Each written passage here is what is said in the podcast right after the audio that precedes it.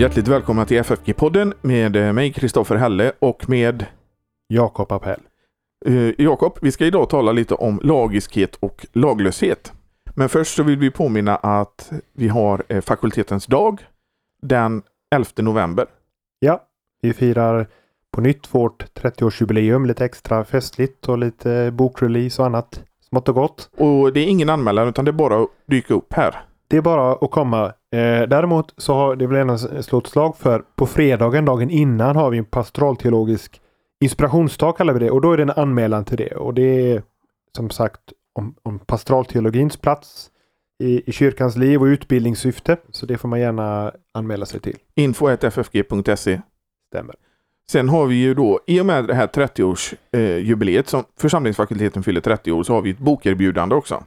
Och det är att de här tidigare jubileumsskrifterna 10 och 25, de böckerna kan man få köpa för 30 kronor styck. Det är ju som hittat. Ja, man ska verkligen komma på något av våra arrangemang under hösten. Jättefina, eh, inte bara bokerbjudanden utan också lite profilprodukter för bara 30 kronor då, just nu under hösten. Ja, och är, men man, är det så att man inte kan komma hit så får man det här erbjudandet för 30 kronor styck om man mejlar info.ffg.se och säger att man har hört det i podden. Så får man dem för 30 kronor styck plus porto. Så det är ett erbjudande till poddens lyssnare.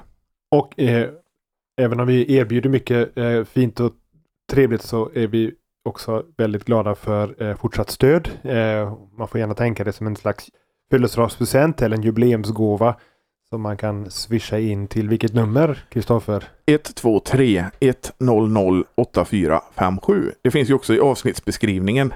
Så att man behöver inte pausa, spola tillbaka och lyssna. Så man kan, och det finns på hemsidan ffg.se också. Men det viktigaste är att man skriver typ FFG gåva eller FFG podcast eller någonting. Men FFG så att det kommer fram till FFG.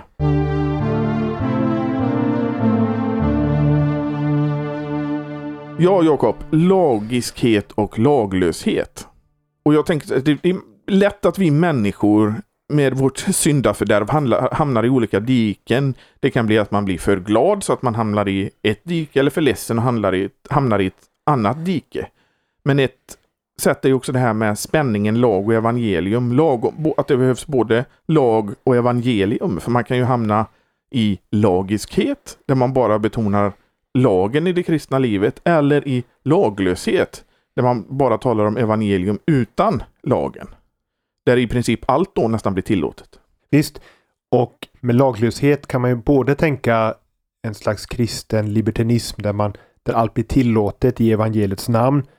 Men det kan också vara en typ av laglöshet där jag lever livet utan Gud och på det viset struntar i allt vad Gud och, och lag och rätt heter. Eller eh, gör min egen lag. Och eh, lagiskhet på motsvarande sätt kan ju både vara en typ av lagiskhet som man lever eh, också som icke-kristen. Men vi tänker ju ofta på lagiskhet, den typ av lagiskhet som förekommer i, i, kristen kontext och i, i, i kristen namn så att säga.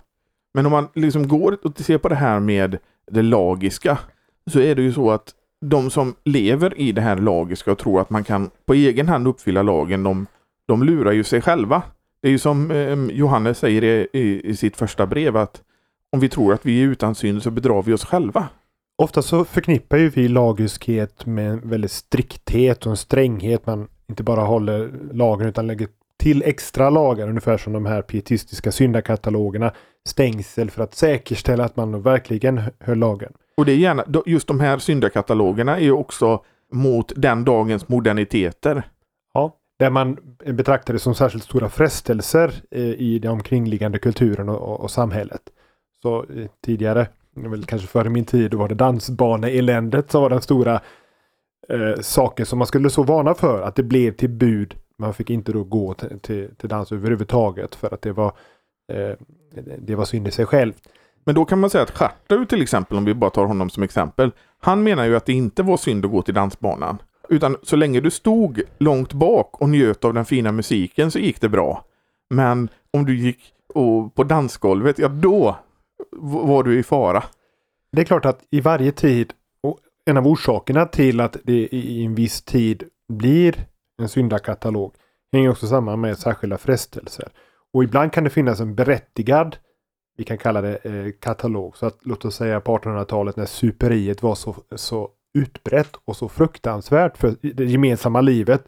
Så det är klart att en, en, en total absolutism var ett sätt att få människor att bara vakna upp och på det viset börja ta ansvar för sitt liv. Så även om det aldrig riktigt ledde fram till evangeliets frihet så hade det åtminstone det goda med sig att man kom ur eh, ett superi. Men samma sak var det ju med kortspelet. Det var ju folk som spelade bort eh, hela sina, sina löner på kort och inte kunde försörja sin familj. Så då började ju prästerna predika emot det här med kortspel just för att skydda familjerna. Ja, så att det, det finns en, en, en typ av tillämpning av lagen som i varje tid är relevant även om man inte kan säga då att alkohol eller dans eller kortspel i sig självt är, är synd. Men i en viss kontext och i en viss tid så kan frestelsen med det vara så stor så att många eller till och med de allra flesta leds in i ett, syn, i ett syndigt levande. Men målet för varje kristen förkunnelse skulle ju vara snarare att med Guds andes hjälp och med lag och evangelium rätt delat leda en människa till en slags hjärtats frihet. Så att det är inte jag som eh, påverkas av omgivningen utan snarare själv kan vara en påverkan för omgivningen. Men jag tycker ett lysande exempel på det här med omgivningen det är att ja, vi pratade om dansbaneeländet. Och sen så var det då att ja, vissa tyckte då att kristna tyckte att teatern det var hemskt. Men sen blev inte teatern så hemskt utan då blev det bio istället. Och nu kanske det är något annat, jag vet inte. Men eh, eh, om det är nattklubb och bio är helt okej, okay, men nattklubb får du inte gå på. Eller vad, vad, vad, det nu är. va. Så att allting ändras ju med tiden just med de här tidsbundna sakerna. Vad, vad, vad som är okej okay och inte. Jo, så är det.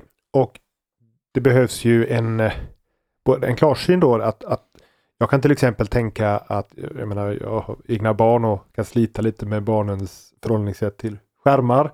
Eh, jag med kanske. Ja, ja, och då kan man ibland känna sig som en sån här pietistisk predikant som säger att nej, nu måste vi förbjuda skärmarna helt och hållet för att få dem att komma ur den där bubblan och, och, och sköta grundläggande sysslor som att läsa böcker eller läxor eller, eller, eller vad det är. Eh, så ibland kan man ju känna att lösningen skulle vara en absolutism. Men jag vet ju samtidigt att de behöver hitta och vi behöver också lära dem ett förhållningssätt till dem där de inte är slavar under det. Men där de brukar det med omdöme och på ett rätt sätt. Så det är återigen där, istället för att förbjuda det så måste jag hjälpa dem till att hitta ett gott förhållningssätt till det. Så att de inte är slavar utan ja, förvaltare av någonting som är användbart. Men det är ju lätt att just det med skärmar kan jag se hemma att det går till överdrift. Det är någonting som, det kanske är det istället för bio nu då som är... Ja, jo, jag, jag, ärligt talat så tror jag, det finns ju så många larmrapporter om att Eh, till exempel då barn och kanske också vuxna, vi läser inte längre som förr och, och det finns hela tiden någonting att göra på skärmen medan den tid som man lägger på det istället skulle kunna användas till, till någonting nyttigt och till tjänst för andra och sådär.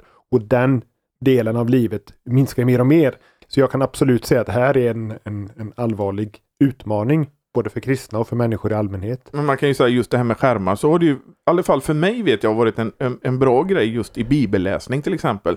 Hur man kan gå mellan översättningar eller gå, till, gå tillbaka till den grekiska texten och läsa. Så, så det är en väldigt bra smidig hjälp istället för att sitta med kanske fyra, fem böcker och bläddra i. Och här har vi då exempel på det här det goda bruket. Varför det inte är lämpligt heller att för, komma med ett förbud, en, en syndakatalog. Utan snarare försöka hitta det här goda bruket och leda människor dit. Och, och så är det om vi ska gå tillbaka till detta med, med lag och evangelium. att Om vi hamnar i det här med syndekatalog då tenderar vi ju att ägna oss åt yttre saker. Sluta med det och det får du inte göra och inte dansbana här. Och så försummar man egentligen det som lagen mer än något annat söker efter, nämligen hjärtat. Vad, vad, vad människan vill. Så att om jag tycker att jag liksom friserat bort lite sån här, nu går jag inte på dansbana, jag har slutat med alkohol, nu har jag inte längre någon mobiltelefon. Så kan det till slut bli att jag bedrar mig själv med denna yttre rättfärdighet som jag har arbetat upp. Och så missar jag det som till slut Gud frågar efter, nämligen hjärtats tro och förtröstan och kärlek till Gud. Ja, det är ju lätt så. För då, då förtröstar du istället på vad du kan göra själv. Visst. För det, men, och det är ju det som köttet vill. Köttet, alltså människans egna vilja, vad man ska säga, det vill ju jag kan själv. Mm. Och problemet med lagiskheten om man tittar på evangelierna och Nya Testamentet framförallt var ju egentligen inte att fariseerna var för strikta med lagen, även om de la till alla dessa stadgar som skulle vara som skydd mot, mot lagöverträdelser. utan att man egentligen gjorde sig sin egen lag och struntade i Guds lag. Så när Jesus talade till dem så var det ofta det att han anklagade dem för dubbelmoral, för hyckleri. Ni gör det här och det här, ger tionde av dill och kummin, men ni försummar barmhärtigheten och, och troheten. Ni gör utsidan ren, men struntar i insidan. Ni tar inte i beaktande vad som händer i hjärtat. Men ni är väldigt hårda med det yttre bruket, hur långt man får gå på sabbaten etc. etc. Det är ju Så- det som en människa kan kontrollera. Ja. För, för det, det som Gud kan kontrollera, nämligen hjärtat, det kan inte en människa kontrollera. Därför blir det ofta att man faller i de här fällorna som fariséerna gjorde. Så att lagiskheten är egentligen att man har gjort Guds lag så att säga i, i, i eget tänkande då hanterbart. Och okej, ingen skulle säga att man är syndfri. När Jesus sa att den som utan synd kan kasta den första stenen så var det ingen som vågade. Utan alla gick. De äldste först för de förstod att ja, inte ens vi. Men, men det handlar egentligen inte bara om att man är så att säga på 90-procentig laguppfyllelse. Utan egentligen att man har, igen, man har inte ställt sig i Guds ansiktes ljus och låtit Gud sätta definitionen på vad jag ska leva, hur jag ska förhålla mig till livet, eh, vad mitt hjärta, hur mitt hjärta ska vara för att bestå inför Gud och i Guds domstol. Och det är det som så att säga fariséerna och all lagiskhet behöver lära sig, nämligen att fråga vad, efter vad Gud ser och Gud ser till hjärtat och inte efter vad människor ser och att jag i jämförelse med andra människor är lite bättre kanske. Och så blir det så att säga min rättfärdighetsgrund. Men om vi tittar på Luther till exempel, så han var ju då en romersk katolik. Och han kände ju det här hjärtats eh, sorg över synden och begären och så. Och så säger de att det inte är synd. Det är ju ändå det som är det, liksom de, kärnan i eh, buden är ju ändå att du kan hålla skenet uppe på de åtta första buden. Men på, på de två sista så kan du inte det. Men det är också det som inte andra människor kan kontrollera.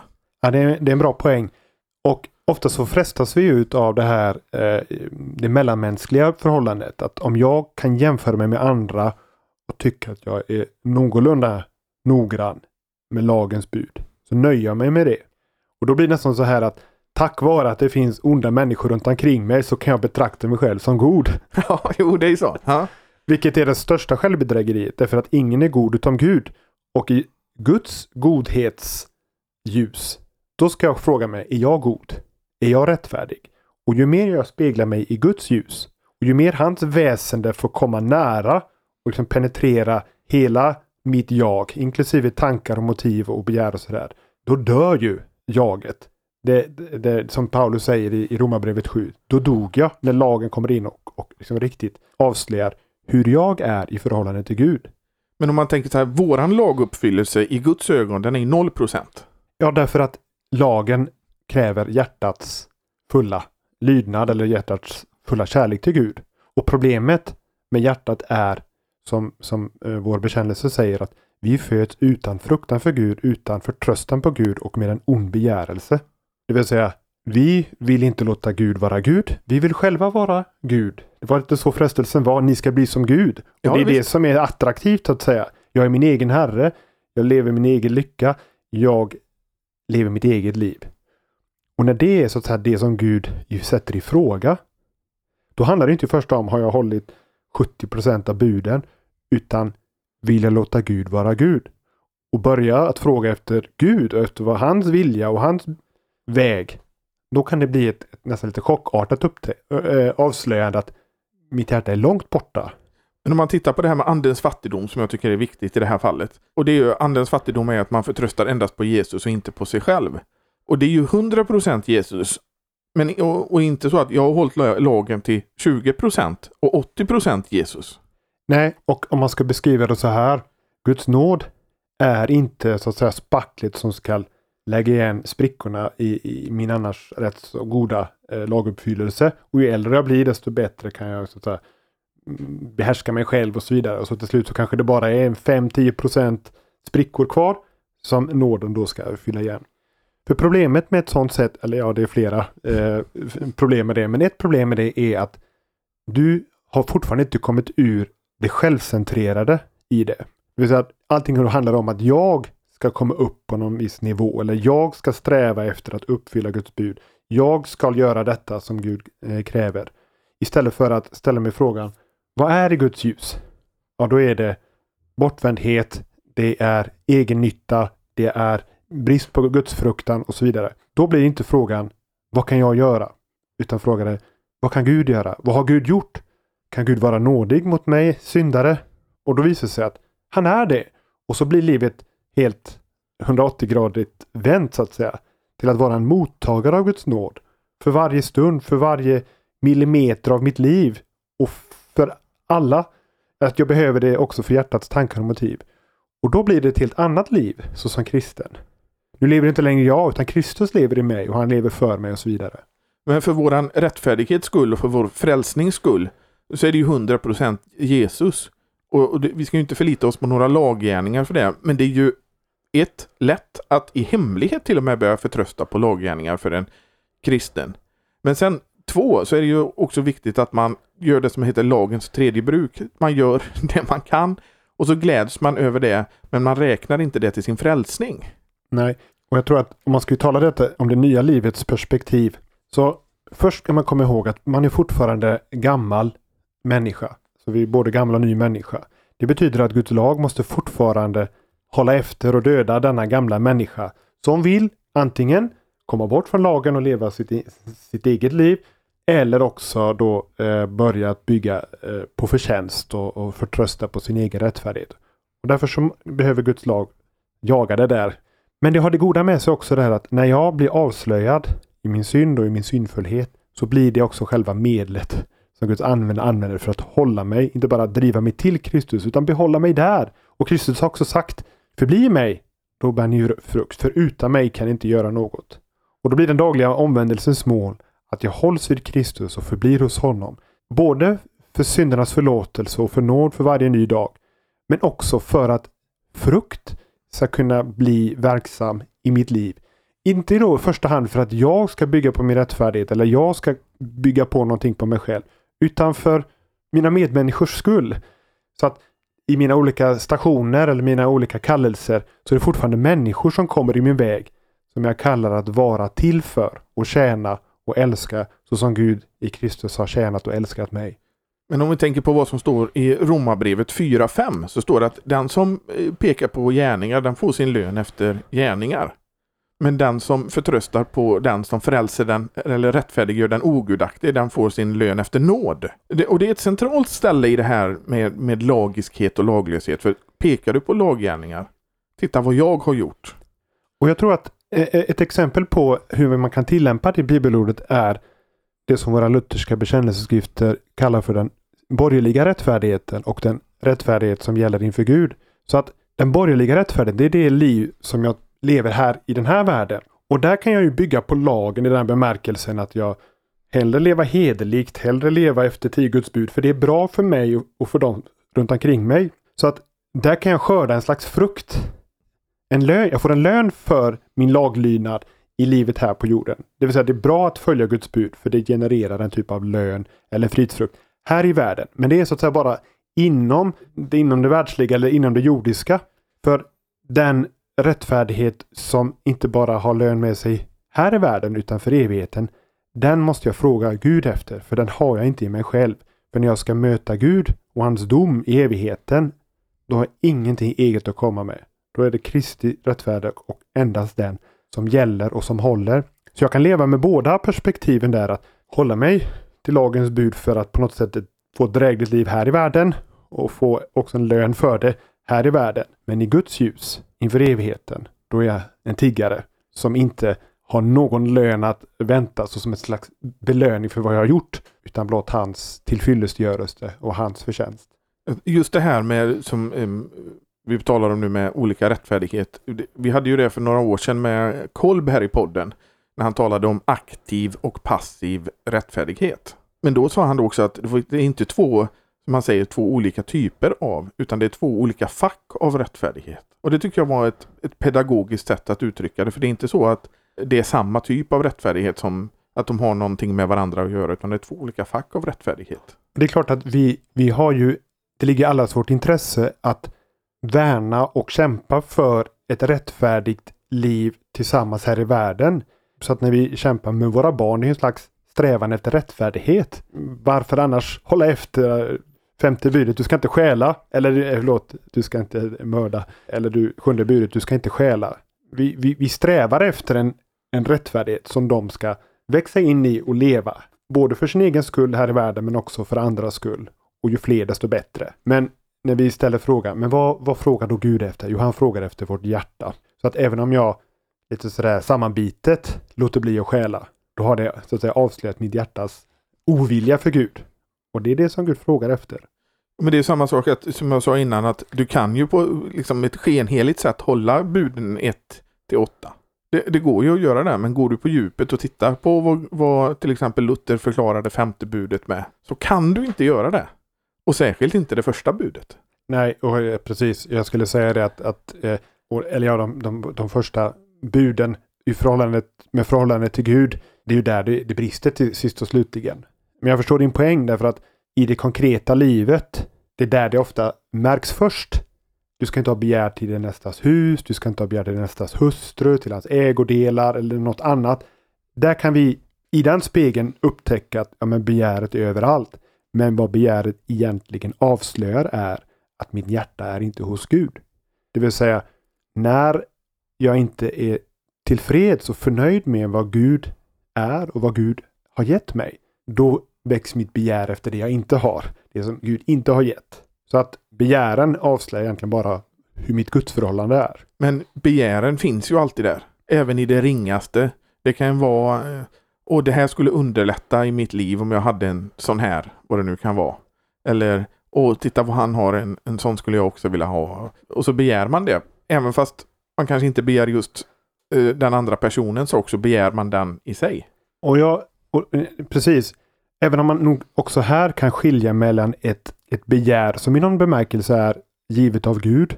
Men ett begär som så att säga överhettas eller går överstyr så att det blir efter det som någon annan har som Gud inte har gett mig. Så att det kan finnas ett, ett gudagivet begär i det här att jag också som man, när man börjar bli så pass stor, fatta tycke till en annan människa, en, en, en annan kvinna. Då kan ju det begäret så att säga ha, sitt, ha sin rätta plats. Sen ska ju det då inordnas i äktenskapets ram och, och så vidare. Men när det begäret sedan kanske eh, riktas till någon som inte är min hustru, någon annans hustru eller utanför äktenskapets ram, ja då har begäret eh, blivit en ond begärelse. Och det här sjätte budet, det skärper ju Jesus till och med. Där, där han säger att det räcker med att titta på en kvinna i princip så har du brutit mot det budet.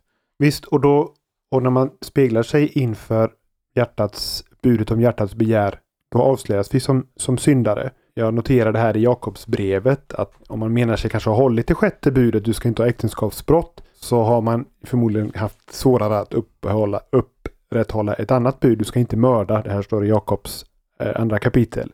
Det vill säga, jag ska inte i första hand eh, spegla mig i de bud som jag tycker att jag har kontroll över, utan snarare där kontrollen... Annars blir det återigen det här att man, man lurar sig med hjälp av det som man är bra på.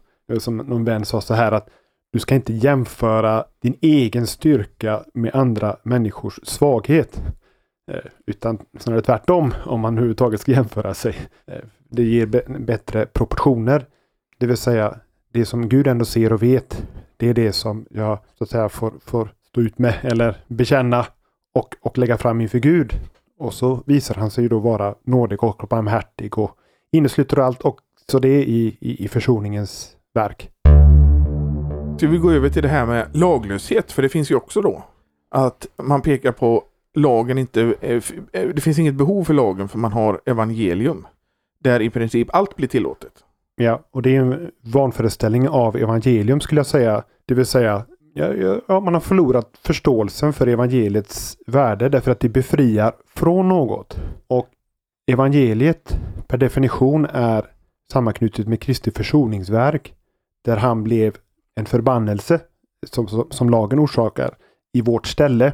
Det vill säga det är på grund av var, våra lagöverträdelser Kristus blir en förbannelse och blir korsfäst. Och då måste man fråga sig varför lider han? Jo, då får jag se på Guds lag och se att här är orsaken till hans död, inte min. Den har jag blivit skonad ifrån. Så att det, det, det för mig är det en, en möjlig omöjlighet att, att evangeliet på något sätt skulle trolla bort det som han har lidit döden för. Så om han har burit hjärtats Eh, girighet eller habegär eller otukt eller, eller vad det är. Så kan ju inte hans död bli en slags legitimering för det. Att nu får jag begära vad jag vill. Utan tvärtom, så ödmjukar mig korset. Han dog för det, han har tagit hand om det och varje dag ger han ny nåd. Och så kallas jag att älska andra, mina medmänniskor, så som han har älskat mig. Han hade inte egennyttan, han hade inte ha-begäret, utan snarare kärleken till mig för ögonen. Och så får det bli det som ska prägla mitt sinne, snarare än att, att jag ska ha, vara i centrum fortsatt. Men i den här laglösheten där man bara betonar evangelium så vet man ju knappt vad evangelium är. Nej. Utan man tror att eh, det är någonting som tillåter allt, att det är ingenting som tynger dig utan det allting är bara härligt. Men vi talade ju om det innan att det finns en dynamik där att lagen måste ju fortsatt vara där för att tala till den gamla människan som finns kvar. Ja, och, om, och eh, ofta så tenderar det här att bli så här teoretiska diskussioner. Ett av problemen med laglösheten i en kristen kontext är att den till slut blir till ett, ett obarmhärtigt förhållningssätt till andra människor. Som jag till exempel tycker att det är helt okej okay att att stjäla lite grann så här. Så blir det alltid på någon annans bekostnad. Och om den principen ska, ska gälla, att det är okej okay att stjäla, ja då ska jag heller inte bli så arg om någon annan stjäl av mig.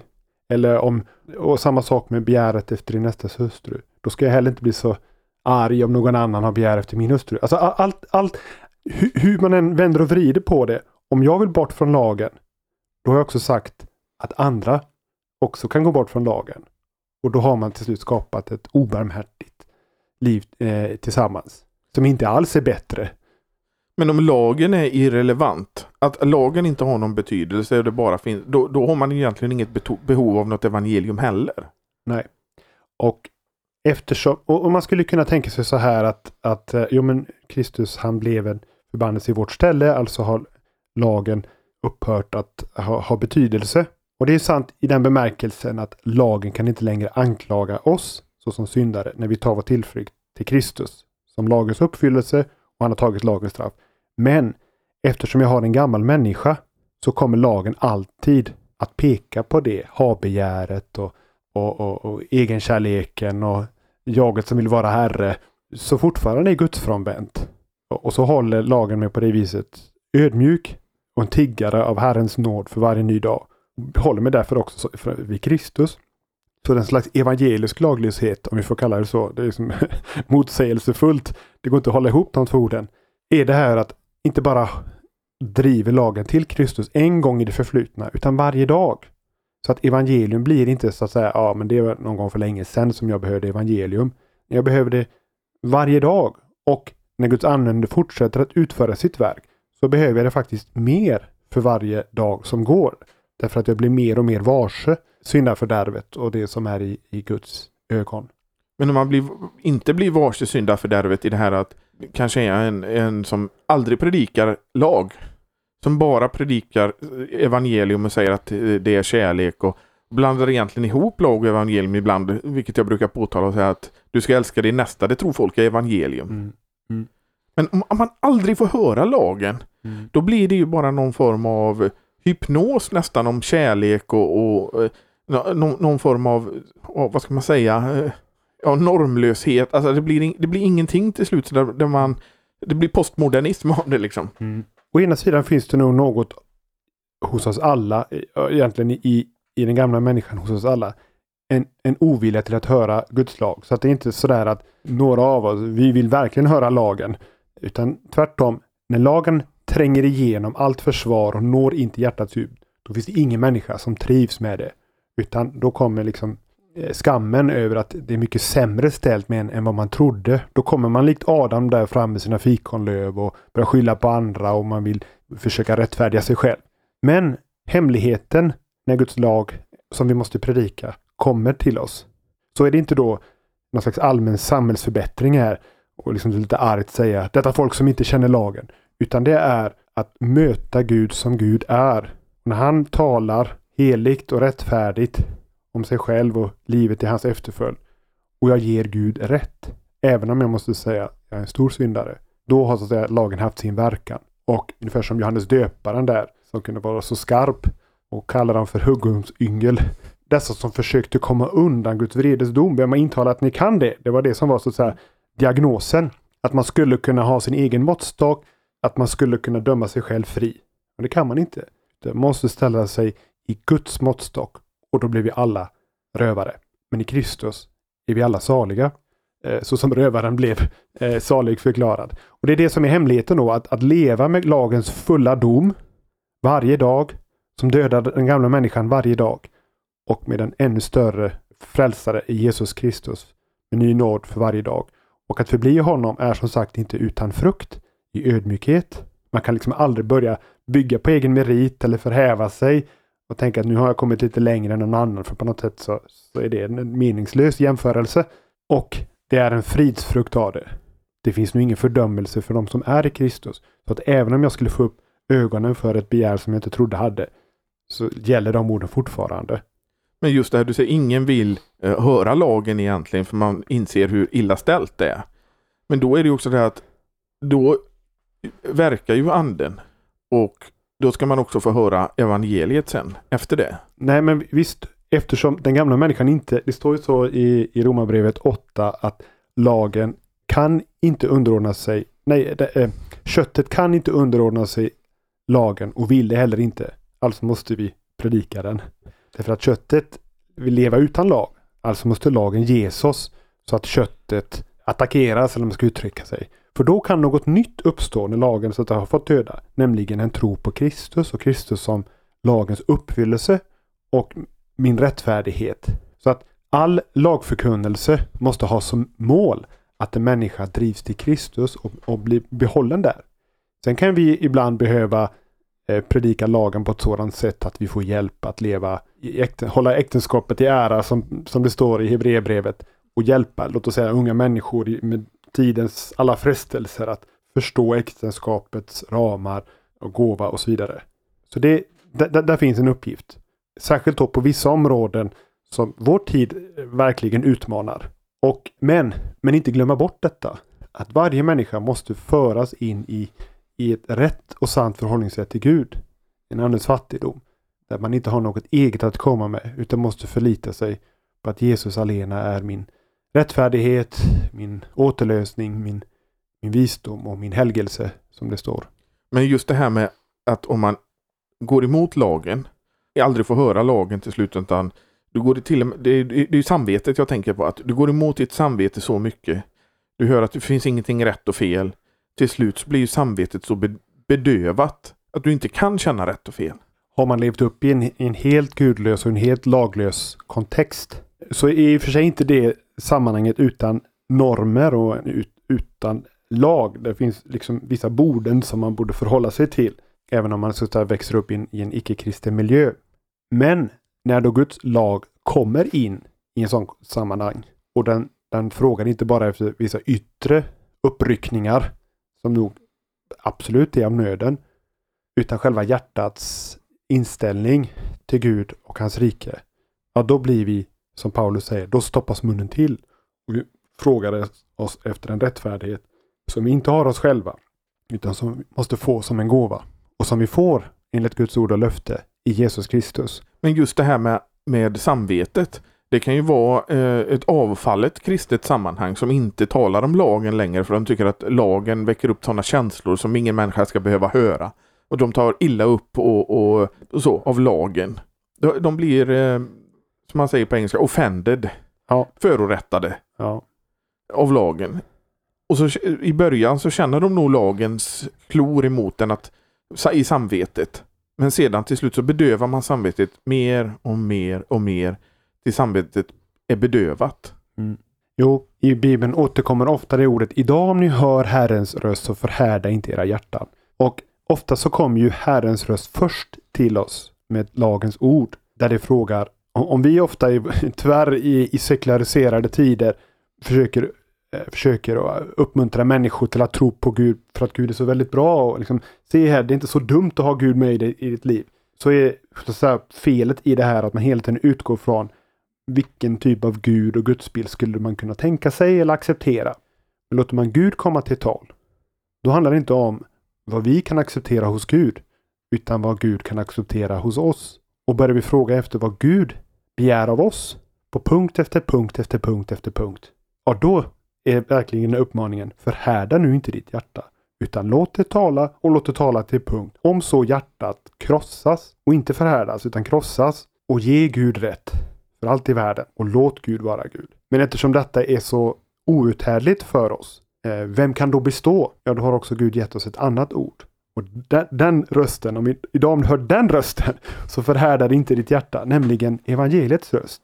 Att Kristus har burit allt detta. Han har tagit hand om det. Så att om du måste upptäcka ännu mycket mer av hjärtats alla skrymslen av rån och, och ursäkter och bortförklaringar och un, undanflykter och, och krumbukter. Han är din frälsare eh, också för detta.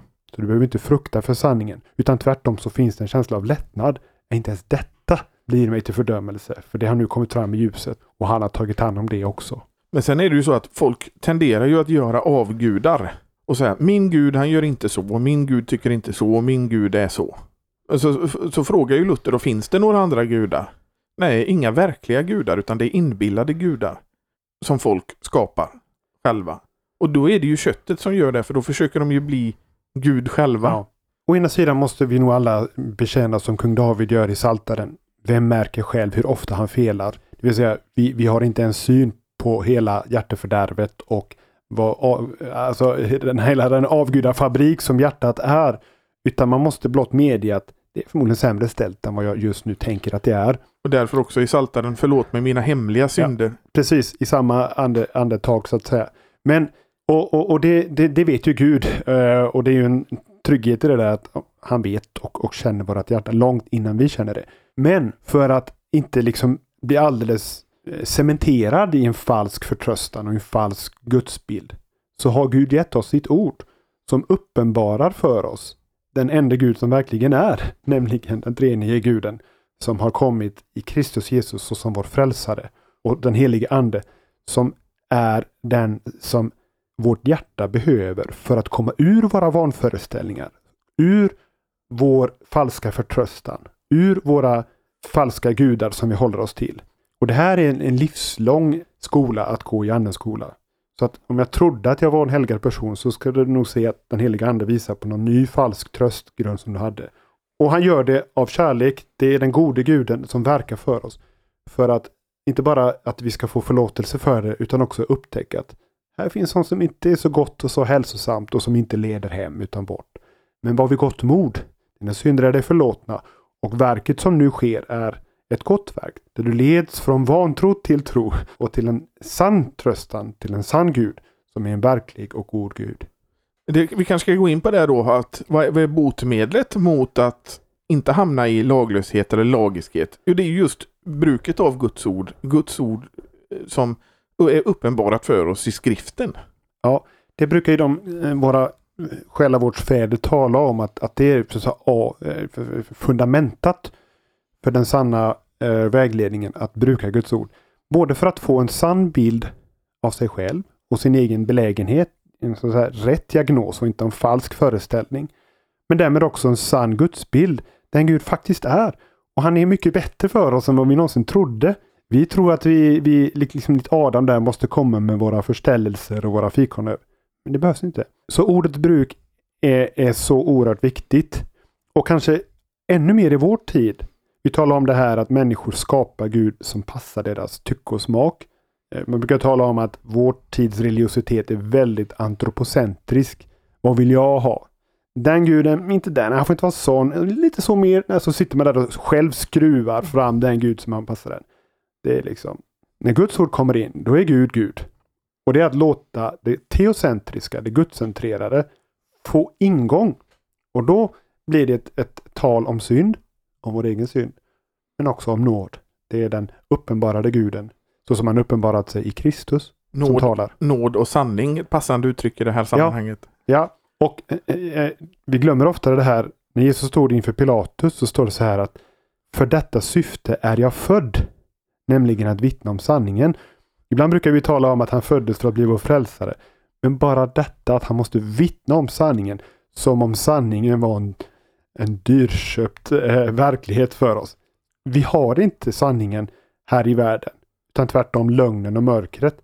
Så han är så att säga en fyrbock för sanningen in i våra förmörkade sinnen eh, och liv. Och då är han sanningen för oss. Men sanningen, om det inte är en sanning också om honom, Kristus som frälsare, blir egentligen en rätt så jobbig sak. Då blir det alltid anklagelsen, den sanning som är för jobbig att hantera. Nämligen det som pekar på mig själv och min skuld och min bortvändhet och så. Men det man kan säga i både laglösheten och lagiskheten, det är att Jesus försvinner. Ja. Och han försvinner så tillvida att han får inte tala sant till oss och om livet tillsammans med andra människor. Eh, för endast han har egentligen den, den, den sanna definitionen på vad, vad kärlek och rätt är. Så han kan ju vara väldigt skarp när han talar till, till människor.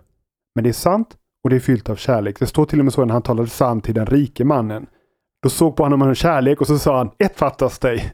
Och det var det han inte ville höra eller kunde bära just i den stunden. Men det måste han säga. Det är endast så som han är kärlek för oss. Den rike mannen behövde ju där i den stunden besinna sig och tänka om nu mitt hjärta faktiskt inte är fäst vid Gud utan vid mina pengar, vad gör jag då? Om man hade lyssnat på hela det samtal som sen följde mellan Jesus och lärjungarna här, de började ju ängsligt fråga, men om du frågar efter en sådan kärlek och en sådan försakelse och en sådan lydnad, vem kan då bli frälst? Kan vi det? Vi har ju vet, eh, liksom, massor här och följt dig. Kan vi bli frälsta? Och då svarar inte Jesus att jo, ni har ju ändå offrat er och, och älskat och så, så, bra. Utan nej, för människor är det omöjligt. Men för Gud är det möjligt. Det är därför jag är här. Det är därför jag går till korset. Det är därför jag försonar allt. Så att om bara den rike mannen hade stannat här så skulle han fått se något som är långt mera värt än de ynka kronor eller vad shekel eh, eller silverpengar som han klamrar sig fast vid så hårt.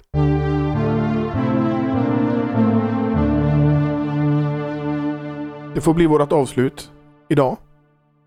I detta avsnitt om lagiskhet och laglöshet. Och Jakob, vi kanske ska än en gång påminna då om eh, fakultetens dag. 11 november klockan 13. Då blir det föreläsningar. Och öppna föreläsningar så det är bara att komma hit och, och fira församlingsfakulteten 30 år. Det blir bo eh, bokrelease. Jag ska inte avslöja vilken bok som kommer att ges ut. Ges ut. Det blir bokloppis och det blir olika glimtar om F som både tänker på FFGs 30 gångna år och med lite framåtblickar mot kommande år om Gud ger flera år. Mycket intressant. Och dagen innan så är det pastoral fördjupningsdag, men då är det anmälan info.ffg.se ja. som gäller. Mer om info om detta finns på vår hemsida ffg.se. Sen tar vi ju tacksamt emot en uh, födelsedagspresent. Hur kan man ge den? Ja, du påminner ofta om swishnumret 123 100 8457. Men uh, man kan förstås också använda bankgiro och nu för en gångs skull ska jag säga bankgironumret också. Och det finns även plusgiro. Eh, men bankgiro är 622 5387 och plusgiro 640 67. Vad bra! Där kan man också ge en gåva till poddens och församlingsfakultetens arbete. Och swishar du så är det viktigt att man skriver FFG eh, podd eller FFG gåva. Så det kommer in till rätt mottagare som vi sa innan också, 30 kronor styck för de tidigare jubileumsböckerna 10 och 25 år. Och, och även 20-årsboken. Boken om teologisk antropologi, eh, fri och bunden. Den finns. Jo, jag frågade efter det och då visade det sig att den fanns i lager här i källaren. Så det kommer att finnas tillgängliga också framöver. Oj, jag trodde den var slut.